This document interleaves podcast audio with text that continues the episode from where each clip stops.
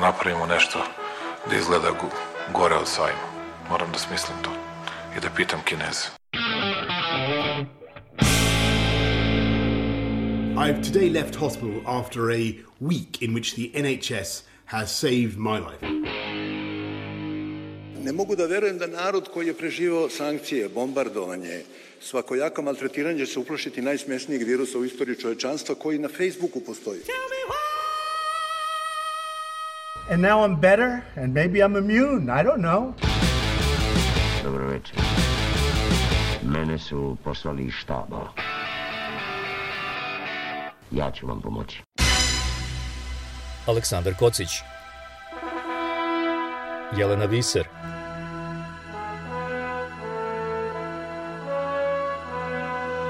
Radio Karantin Hronika istorije u nastajanju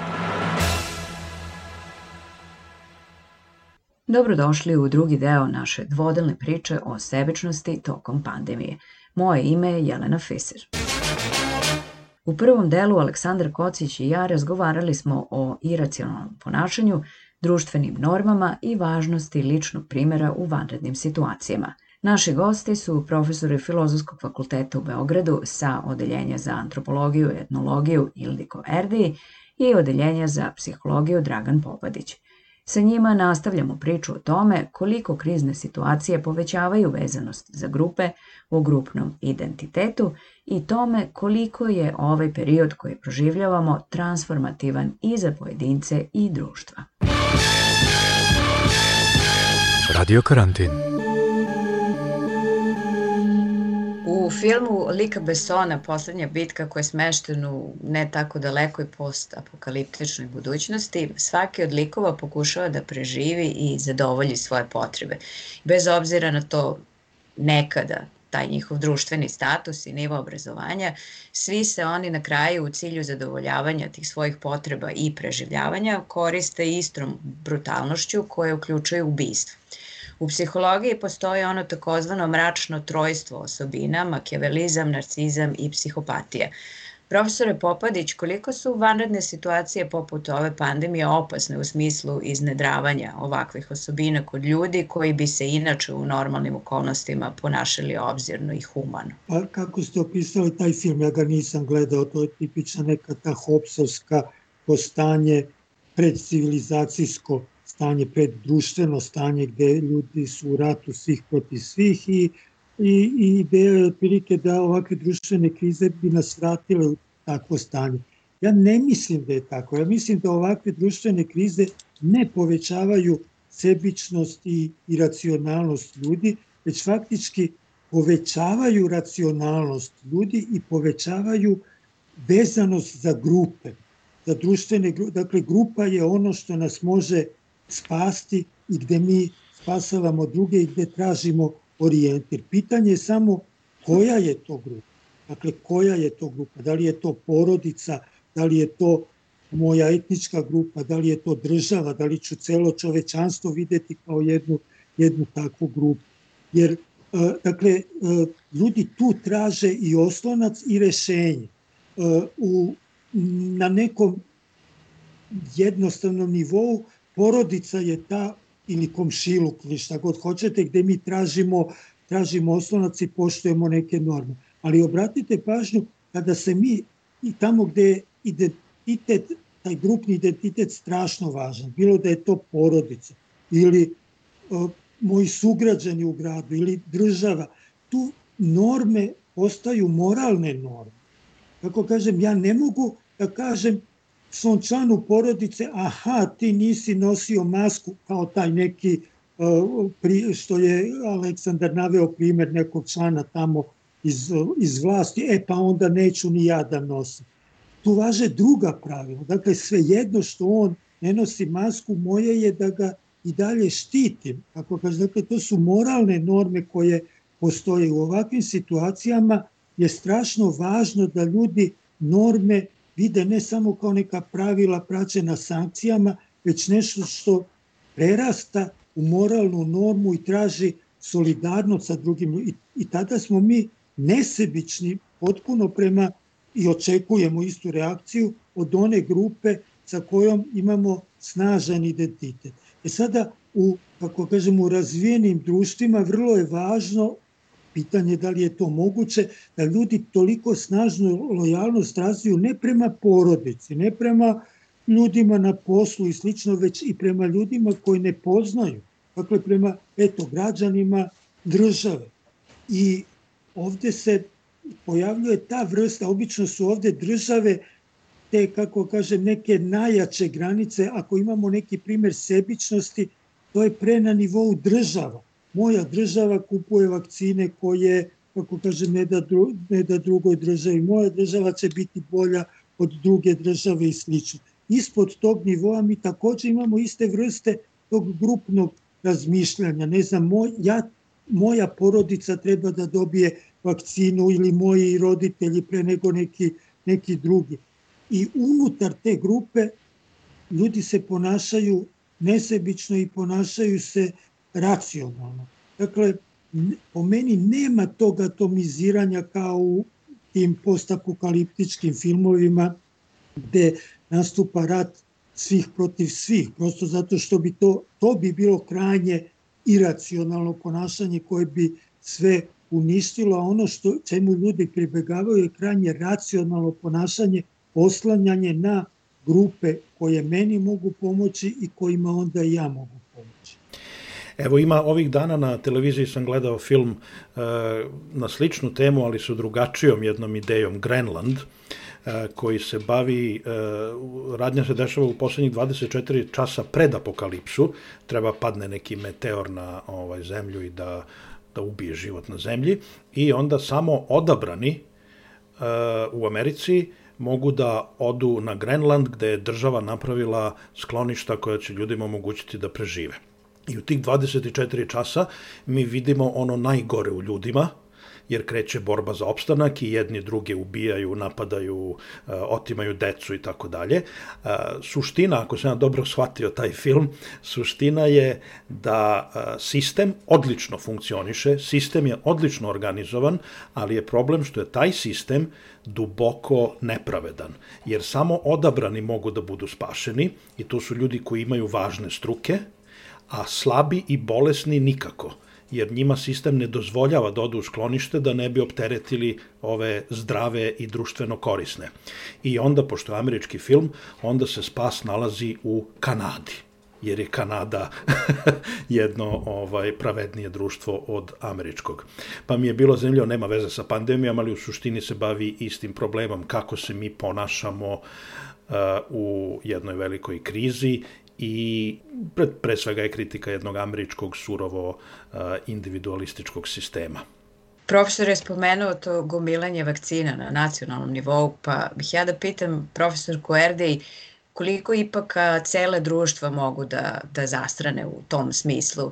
Imamo sad ovaj vakcinacijski nacionalizam i gde možemo slobodno da kažemo da se sebičnost pokazala i na nacionalnim nivoima. Pa ne znam da li bi baš moglo da se ovaj, govori o sebičnim društvima. Ja možda, možda bih tu pregovorila nešto o političkim vođstvima koje, koja iznose neke koje imaju ideju ili koja iznose neki plan ili postavljaju zahteve u odnosu na proizvođače vakcina da se, ne znam, primarno uh, ove obezbede e, vakcine za, za njihove građane. Ne znam, ne znam koliko, koliko to ide u dubinu društva, eto da tako kažem i ne znam da li o tome možemo, mislim mi o tome nemamo nikakve ovaj, e, nikakve pouzdane informacije. Ja sam takođe kao profesor Popadić sklonija da imam jedno ovaj, pozitivnije viđenje um, koje se prosto negde oslanja i na uh, na činjenicu dosta poznatu iz prošlosti u odnosu na različite druge krize koje su se dešavale, a to je da krize krize u svojim ekstremima je li izloče na površinu ono najbolje i ono najgore i u ljudima i u društvima. Ali to su samo ekstremi. Zapravo ono, ono, ono što je između, to je taj najveći broj ljudi koji se trudi na neki način da se adaptira i da tu krizu preživi da ovaj, koristi resurse kojima raspolaže na neke drugačije načine, da pronalazi neka nova rešenja i u toj u, u toj u tom uh, najvećem broju ljudi ima takođe vrlo pozitivnih primera a, solidarnosti, brige o drugima i toga je bilo i sad. Da li je standard životni i uređenost društva merilo i može da nam pomogne da nekako društva klasifikujemo? Da li su razvijenija, bogatija društva više ili manje sebična ili je to jedno jako površno gledanje na stvari? Da li su ljudi i društva koja su više bila u istoriji ili u novijoj istoriji izloženi problemima, krizama, sankcijama i tako dalje, da li se oni lakše nose onda sa ovakvim krizama zato što imaju onu rezilijentnost ili, ili ne? A s jedne strane vi pitate o odnosu društava prema drugim društvima. I u tom smislu su možda ta razvijenija društva sebičnija jer ne zavise od drugih društava kako kažem, neko, neko slabije razvijeno društvo, neka manja država i slično, ona zavisi od drugih i mora da stalno pokazuje dobru volju, solidarnost i slično kooperativnost koju onaj ko je moćan ne mora da pokazuje. Dakle, ali to je odnos između jakih i slabih koji uvek postoji. Ali ako govorimo o odnosu unutar jednog društva, unutar jednog društva, pitanje šta bi tu bila sebičnost društva razvijena društva žele da razviju tu vrstu građanskog identiteta kao dominantnog identiteta. Dakle, ja poštujem ono što je, su pravila ili zakoni ili norme moje države. Dakle, i solidaran sam prema ljudima svejednog da li ih znam ili ne znam i tako dalje. Pitanje je koliko to u ovim društvima može da funkcioniše kao neka vrlo jaka norma u manje razvijenim društvima, na primjer u patriarhalnim društvima i slično, koji se stalno muče sa time da razviju tu vrstu građanske svesti, građanskog identiteta, vrlo lako se razvija neki e, ka vezanosti, neki identitet nižeg reda, eto ako hoćete za porodicu ili za mesto stanovanja. Mi se, ne znam, u našem mestu jedni druge štitimo, pazimo, mi rasporedeljujemo vakcine nama, a ne drugima i tako dalje. Dakle, postoji ta pojava često koja se zove neki amoralni familizam, na primjer, koji je često na nivou porodice. Dakle, postoji norma da se ne pomaže drugima, već samo članovima svoje porodice. Pa to možemo proširiti na normu da pomažem samo članovima moje države, a ne drugih država i slično. Dakle, pitanje je koji će identitet biti e, najdominantniji za ljudi.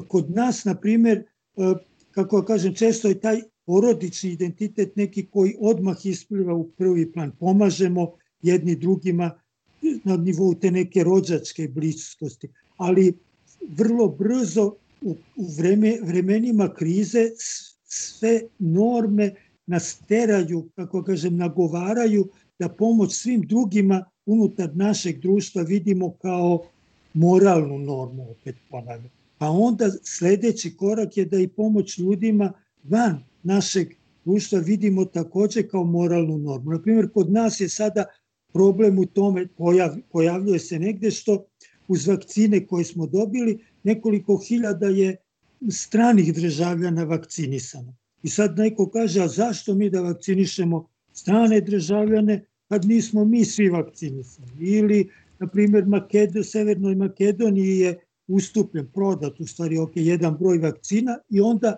opet tu postoje dileme zašto bi mi davali njima vakcine koji trenutno nemaju nikakvu vakcinu, kad to možemo da raspodelimo na svoje građane. I tu postoje različite ide, dakle od neki, gledao sam skoro intervju sa uh, Enesom Halilovićem, jednim piscem našim, jako dobrim, koji kaže za mene postoji 7 milijardi ljudi, ugroženih ljudi. I kako kažem, svejedno je sada s koje strane granice ili grada je neko ugrožen, pomagaj, kako kažem, ako njima hitno, da ćemo njima. Dakle, ne gledamo sada da li je on stranac ili, ili ne i tako dalje. Drugi ljudi su u takvoj situaciji strašno ušančeni u neku svoju grupu i smatraju da ona ima apsolutno prioritet u odnosu na bilo koje druge grupe. Ali hoću da kažem da svi mi u ovakvim situacijama se vezujemo primarno za jedan identitet i onda smo skloni da unutar te grupe budemo krajnje solidarni nesebični i tako dalje, a da tu postavljamo stroge granice. Nekome taj identitet ili ta grupa ljudi kojom je toliko posvećen porodica, nekom, kako kažem, ljudi na poslu, nekom njegov grad, neko, njegova partija, što kod nas isto ima, a nekome prosto građani sveta. Krenula je vakcinacija. Ne znam da li ste već vakcinisani, mi, ja konkretno nisam, koliko znam nije ni Jelena u Holandiji. Da li se dešava sad to da ljudi gledaju oko sebe, u vidi, ovo je vakcinisan, ja još nisam, šta se dešava? Da, da postoji neka ono mala, mala zavist. Vidite, kod nas, pošto smo mi daleko ispred vas, bit ćete i vi nadam se kad tad u našoj situaciji, dakle imamo vakcine i onda tu je važno, dakle postoje neka pravila, kako kažem, redosleda. I ona nisu, kako kažem, formirana zato što su nužno najpravednija i najracionalnija, već zato što jesu pravila. Pravilo da se ljudi vakcinišu po azbučnom redu je bolje nego da nikakvog pravila nema i da se ljudi onako vakcinišu kako oni koji imaju vakcine mo, mogu dodeljivati. Dakle, neka pravila postoje i kao što postoje pravila, tako automatski, bar ja znam, evo možda zna Ilviko, niz nekih slučajeva gde se i mimo tih pravila, kako kažem, ljudi, ljudi vakcinišu. Onda se postavlja problem, naravno, ljudi se bune, zašto? Ja imam, kako kažem, ja sam u kategoriji koja bi trebalo da bude prevakcinisana od nekog drugog, a on je već vakcinisan. Dakle, takvih izuzetaka ima upravo zato što se pojavljuju, sad iz tog mog perspektive koji stalno ovde ponavljam, neki drugi interesi, neki drugi identiteti koji legitimišu taj drugačiji raspored, raspored vakcina. Dakle, u redu, ja, raspored, ras, ja raspoređujem vakcine, ali ću dati i nekome ko pripada, ne znam, mojoj stranci ili ko je iz mog grada ili ko je moj komšija i tako dalje. Dakle, to se bar u našoj sredini neizbežno javlja. Dakle, ne, uopšte ne mislim da je to dobro, naravno i to izaziva i proteste i tako dalje, ali najčešće ljudi slegnu ramenima jer živimo u takvoj sredini gde ljudi očekuju takva pravila, očekuju da da će se ljudi na jednim delom, kako kažem, voditi svojom partijskom ili nekom drugom pripadnošću i slično.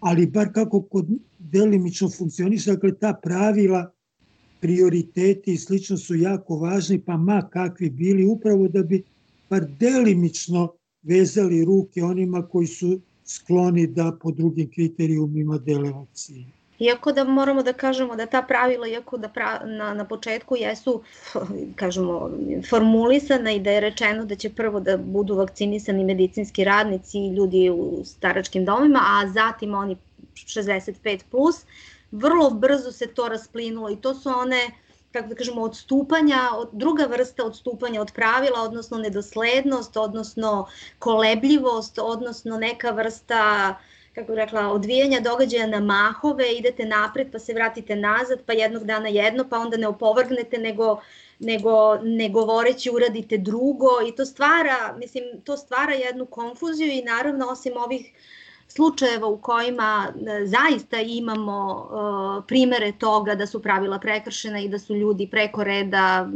protekcijom, zahvaljujući tome gde rade, koga poznaju, u kojoj partiji pripadaju, jeli, vakcinisani preko reda, imate istovremeno i taj prostor glasina koje se ovaj, šire i to je sada to jedno kako je, polje gde ovaj više ljudi e, nisu sasvim sigurni šta je istina, šta je poluistina, šta je laž, šta je informacija, šta je dezinformacija i to je neverovatno ovaj, plodno tlo za strahove, nesigurnosti, agresivnosti, da kažemo, razne vrste vrlo, kako da kažemo, tih negativiteta.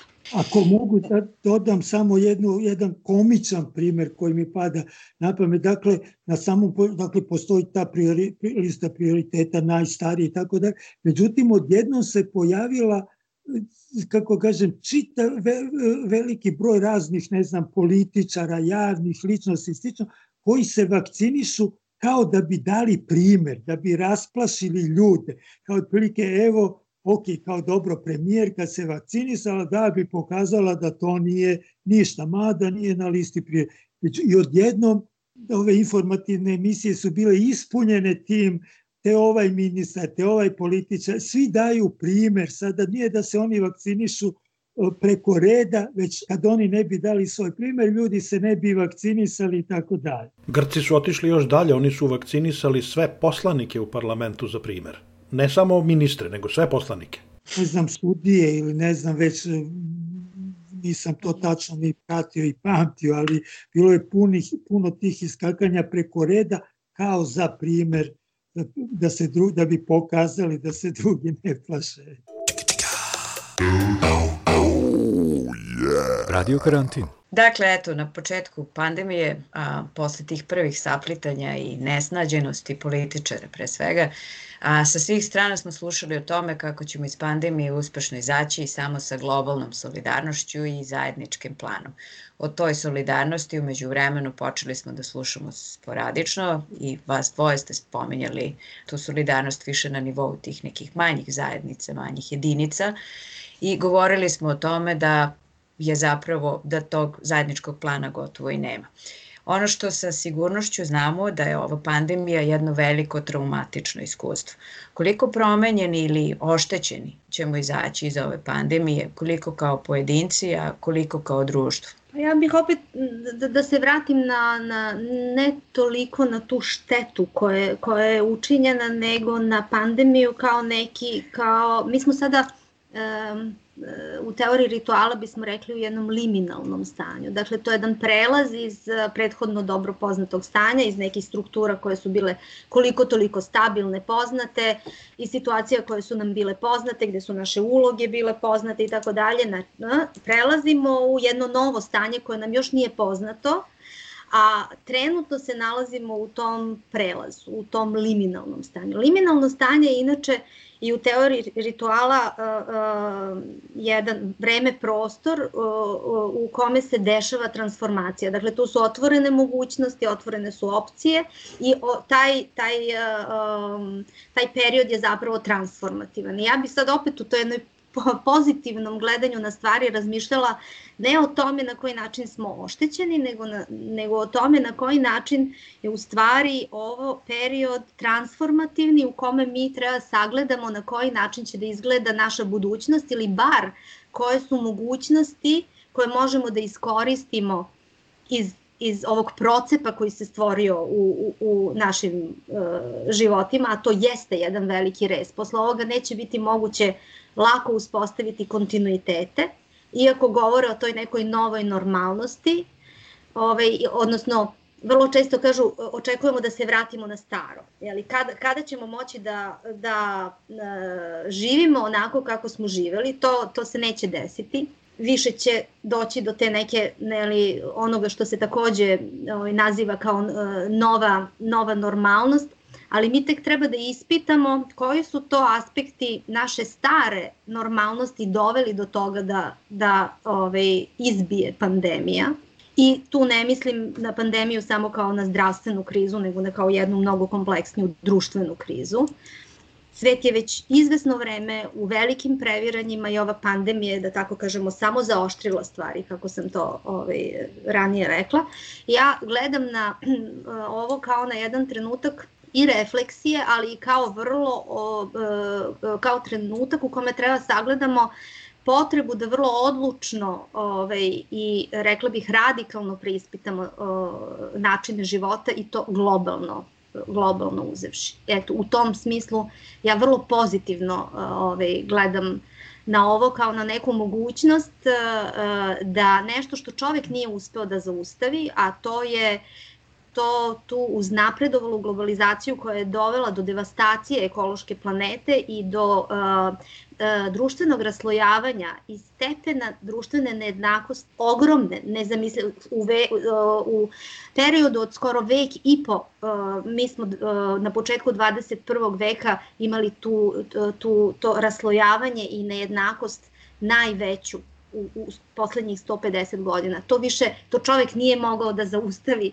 i meni se čini da je ovaj virus tražeći neke, ono, tražeći nove ekosisteme za sebe, zapravo negde ovaj, napravio taj rez koji ljudi, društva, pojedinci i kolektivi nisu bili u stanju da urade. Profesore, se vi slažete sa ovom optimističnom? Da, ja, ja ne znam, moje nekako gledanje da na društvenom planu će promene biti apsolutno pozitivne.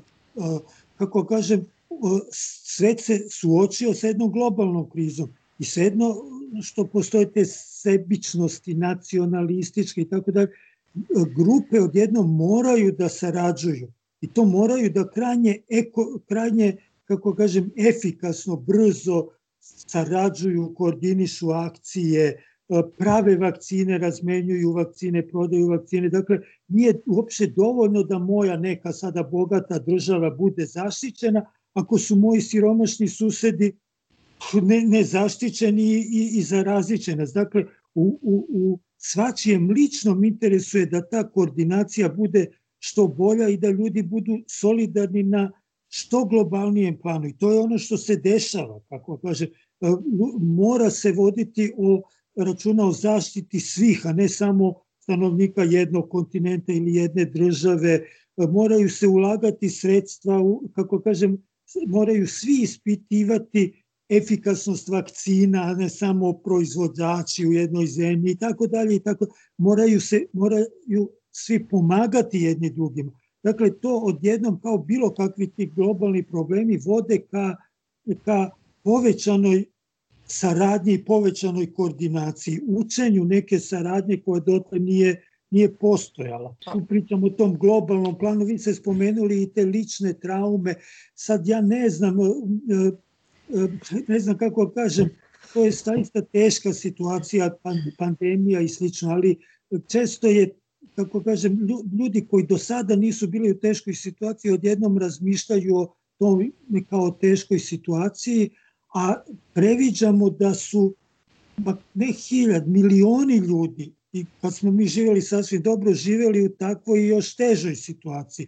Postoje građanski ratovi, postoje strašne krize u kojima su ljudi neprestano živeli i pre pojave ove epidemije i nosili se s tim, kako kažem, pomagali jedni drugima, preživljavali. Ako pričamo o bivšoj Jugoslaviji, ne znam, ja sam to već nekoliko puta, taj primjer Sarajeva, na primjer, gde je tri godine, čini mi se, ne znam sa tačno, ali bar, bar tri godine, svakog dana, dakle svakog dana padalo 300 granata na taj mali gradić, pa to je, i ljudi su to preživjeli bez struje, bez vode, posmatrajući smrt svojih najbližih.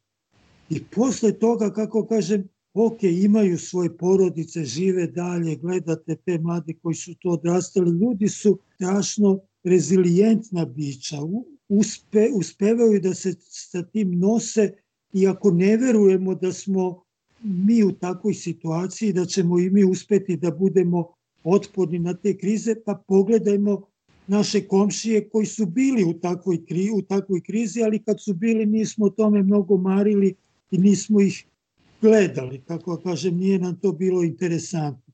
Dakle, na tom ličnom planu, na tom planu pojedinačnih ljudi, ja nemam tu neku priču za sebe i za druge kao strašno smo traumatizovani, to će ostaviti strašno negativne posledice od kojih se nikad nećemo oporaviti i slično. Ne, dakle, ljudi koji imaju takva životna iskustva pokazuju da se tim, sa tim nose, pa imate ljude koji su bolesni od mnogo težih bolesti nego što je, nego što je ovaj COVID i koji žive u, oko nas, kako kaže naše komšije, prijave, prijatelji svih ovih godina, pa se sa tim nose, tako kažem. Dakle, ne treba tu biti nekako previše mek prema sebi, ne znam koliko sam tu bio jasan, ali, ali e, ljudi, mnogi ljudi su živeli e, onako daleko teže nego što mi sada živimo i ako su se oni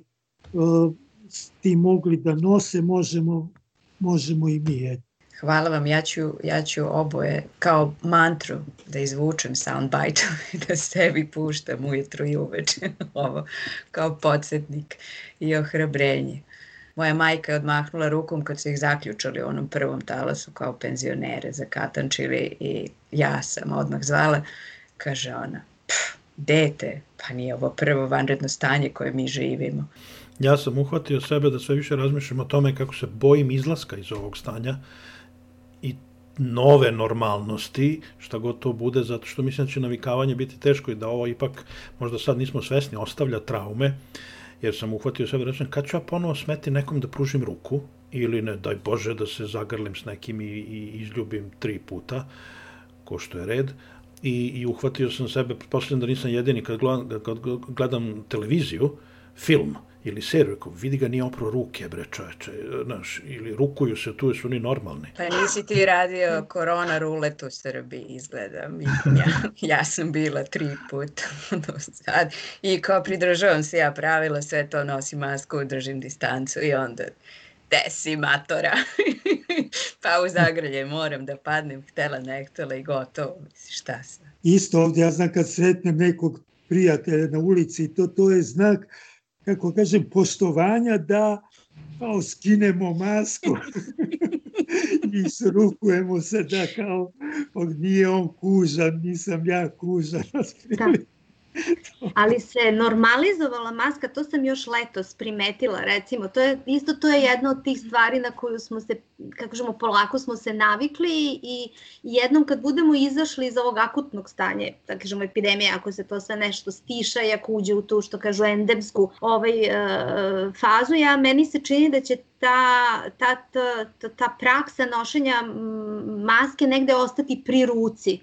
Zato što ovaj, mi, dugo, dugo su nam eh, izgledali vrlo čudno ti prizori ovaj, ljudi koji dolaze ona, iz Azije po aerodromima ili bilo gde njima je ta, ta, ta, taj deo zdravstvene kulture mnogo, mnogo ovaj, pre nas verovatno još od onih, od onih uh, svinskih i ptičih gripova zapravo postao neki ono kao deo lične higijene Ove, a to čini mi se da se to sad de, dešava, dešava i kod nas. Recimo letos to mi se učinilo kad sam videla prvi put u Maksiju na odiljku za higijenu i sad vidite sapuni, ne znam tamo ovaj, maske i ovo ono, i, odnosno maske za kosu ili ne znam šta i upakovane proizvedene maske.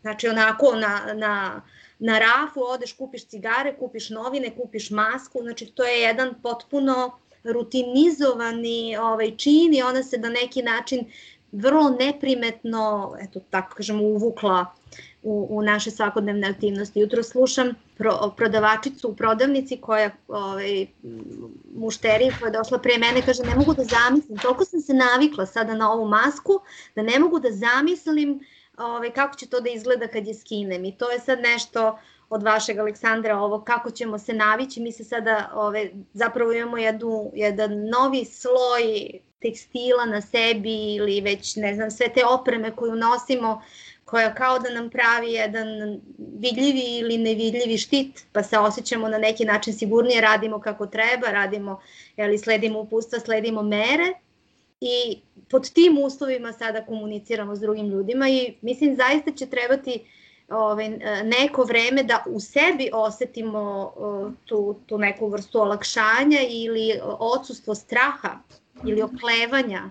Ranije prolazili smo lakše, prolazili upravo zato što smo bili blizu jedni drugima i pomagali jedni drugima na različite načine, bivali zajedno. Ovo je utoliko različito što, što se osjećamo ugroženo i osjećamo se ranjivo, a taj drugi koji bi trebalo da nam pruži podršku je zapravo ovaj, onaj koji je izvor straha. Ne znam ako mogu da do, dodam isto nešto što ja mislim da će nam biti strašno važno i korisno, što smo svi iskusili koliko je u stvari jak i važan taj, ajde stručno da kažem, afilijativni motiv, prisnost sa drugim ljudima, neka direktna komunikacija sa drugim ljudima. To je posle pandemije će se strašno usavršiti, ja mislim, ta neka online komunikacija i predavanja, konferencije će biti jako vešto izvođene put ovako kao što mi sada pričamo i slično, ali e, ćemo svakodnevnim kontaktima nekako postati svesni koliko je važan najobičniji neki razgovor, dodir, pričanje licem u lice i slično. Dakle, taj motiv je kod ljudi ekstremno jak, ali nikad nismo mogli da iskusimo njegovu snagu kao što nismo mogli da, kao što čovek koji nikad nije gladan, uvek je sit i tako dalje, ne zna faktički šta glad znači. Mislim, tako i mi sad smo u prvoj situaciji, u prvoj prilici da osetimo tu vrstu gladi, čak ne ni toliko ekstremnu, kako kažem, ali jesmo gladni toga da sedimo za istim stolom, da ne znam, se leto lupkamo po ramenu, da pričamo bez maski i slično. I mislim da će to biti ljudima neko dragoceno iskustvo dok ga ne zaborave i dok opet ne postanu siti i presiti međusobnog druženja. Radio Karantin. Profesor je Filozofskog fakulteta u Beogradu Ildiko Erdeji i Dragan Popadić.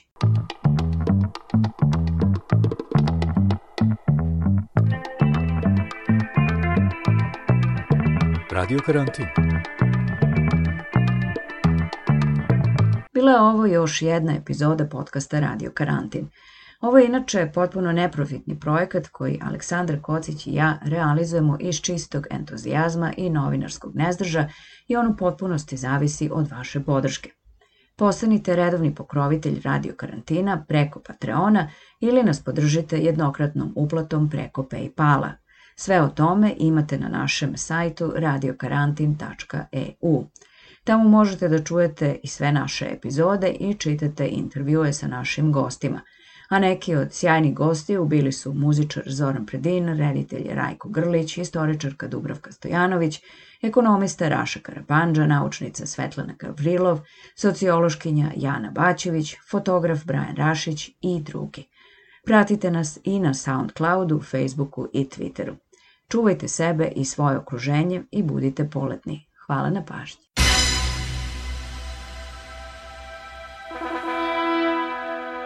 Moramo da napravimo nešto da izgleda gore od sajma. Moram da smislim to i da pitam Kineze. I've today left hospital after a week in which the NHS has saved my life. Ne mogu da verujem da narod koji je preživao sankcije, bombardovanje, svakojako maltretiranje će se uplašiti najsmesnijeg virusa u istoriji čovečanstva koji na Facebooku postoji. Tell me why! And now I'm better, and maybe I'm immune. I don't know. Dobro večer. Mene su poslali iz štaba. Ja ću vam pomoći. Aleksandar Kocić Jelena Viser